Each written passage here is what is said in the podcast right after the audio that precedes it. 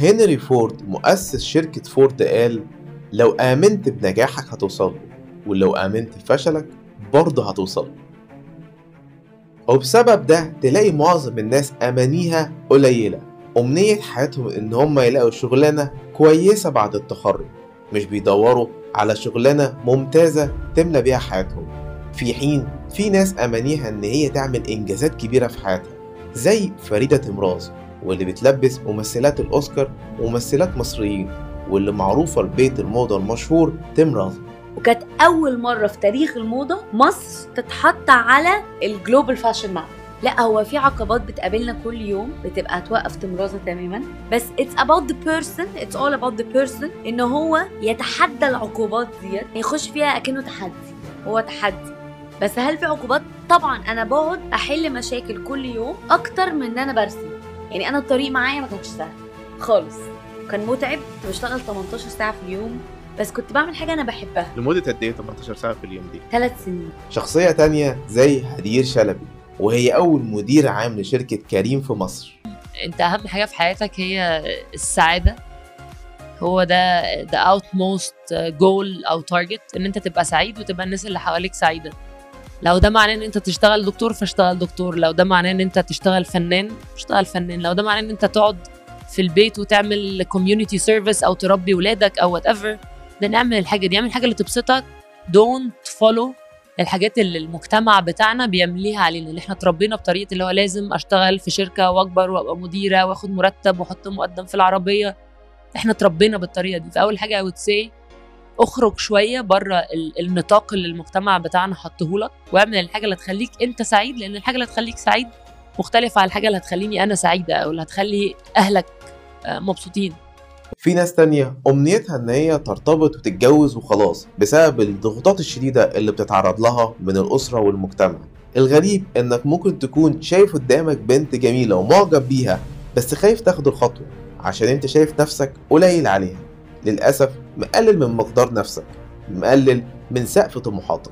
المشكلة إن في ناس كتير ما عندهاش القدرة إنها تفكر بشكل أكبر ودي تقول الخطوات عشان تعرف توصل لنجاح كبير في حياتك. أكيد طبعا هتحتاج إن أنت تضحي كتير وتشتغل كتير عشان تعرف توصل لنجاح ملموس. وطول ما تفكيرك صغير عمرك ما هتعرف توصل لنتائج كبيرة. الأعذار هتخليك واقف مكانك مش قادر تاخد خطوات إيجابية في حياتك. بداية مشوار النجاح إنك تكون مؤمن من جواك إنك هتنجح برغم التحديات والظروف اللي قصادك واللي أنت متخيل إنها موقفاك. طيب إزاي تعرف تقنع نفسك إنك هتنجح؟ إزاي تبدأ تثق في نفسك وتتغلب على الخوف؟ إنك تحلم وتكون مبتكر. إنك تفكر بإيجابية برغم السلبية اللي حواليك. إنك تفكر بشكل أكبر.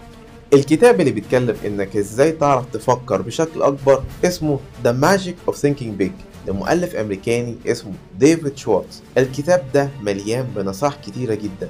نصايح زي إزاي تعرف تبطل من الأعذار؟ إزاي تعرف تتغلب على خوفك؟ إزاي تكون مبتكر في أفكارك؟ إزاي تبان إنك من الطبقة العليا حتى لو أنت معكش فلوس واتجاهك لتعاملك مع الناس وحاجات كتير تانية زي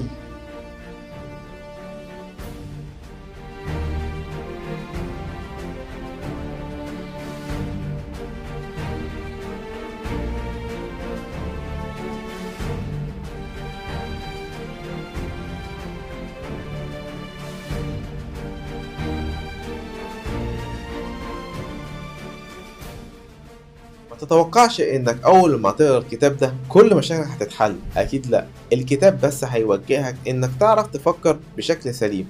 كل اللي عليك إنك تقوم وتبدأ المشوار. أهم حاجة إنك تبدأ تثق في نفسك الدنيا إن شاء الله هتتغير للأحسن.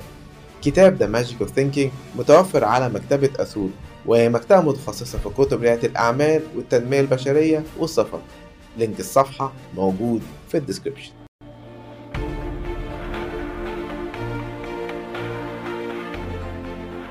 شكرا إنك تابعت الفيديو لحد الآخر. أنا سامر شريف بعمل مدونة صوتية اسمها أثول كاست وهي بتسلط الضوء على شخصيات عايشين حياتهم بطريقة مختلفة عن الحياة التقليدية. عندهم أفكار ومواهب مختلفة عن الباقي. وهدف البودكاست إنها تحفزك إنك تبدأ في حلمك من النهاردة. أنا كان ليا الشرف إني أستضيف فريدة تمراز وهدير شلبي واللي اتكلموا عن بداية نجاحهم عندي في الحلقات. هتلاقوا الحلقة موجودة عندي في ال description تحت و link صفحة البودكاست و link المكتبة برضو موجودين في ال description. شكرا لكم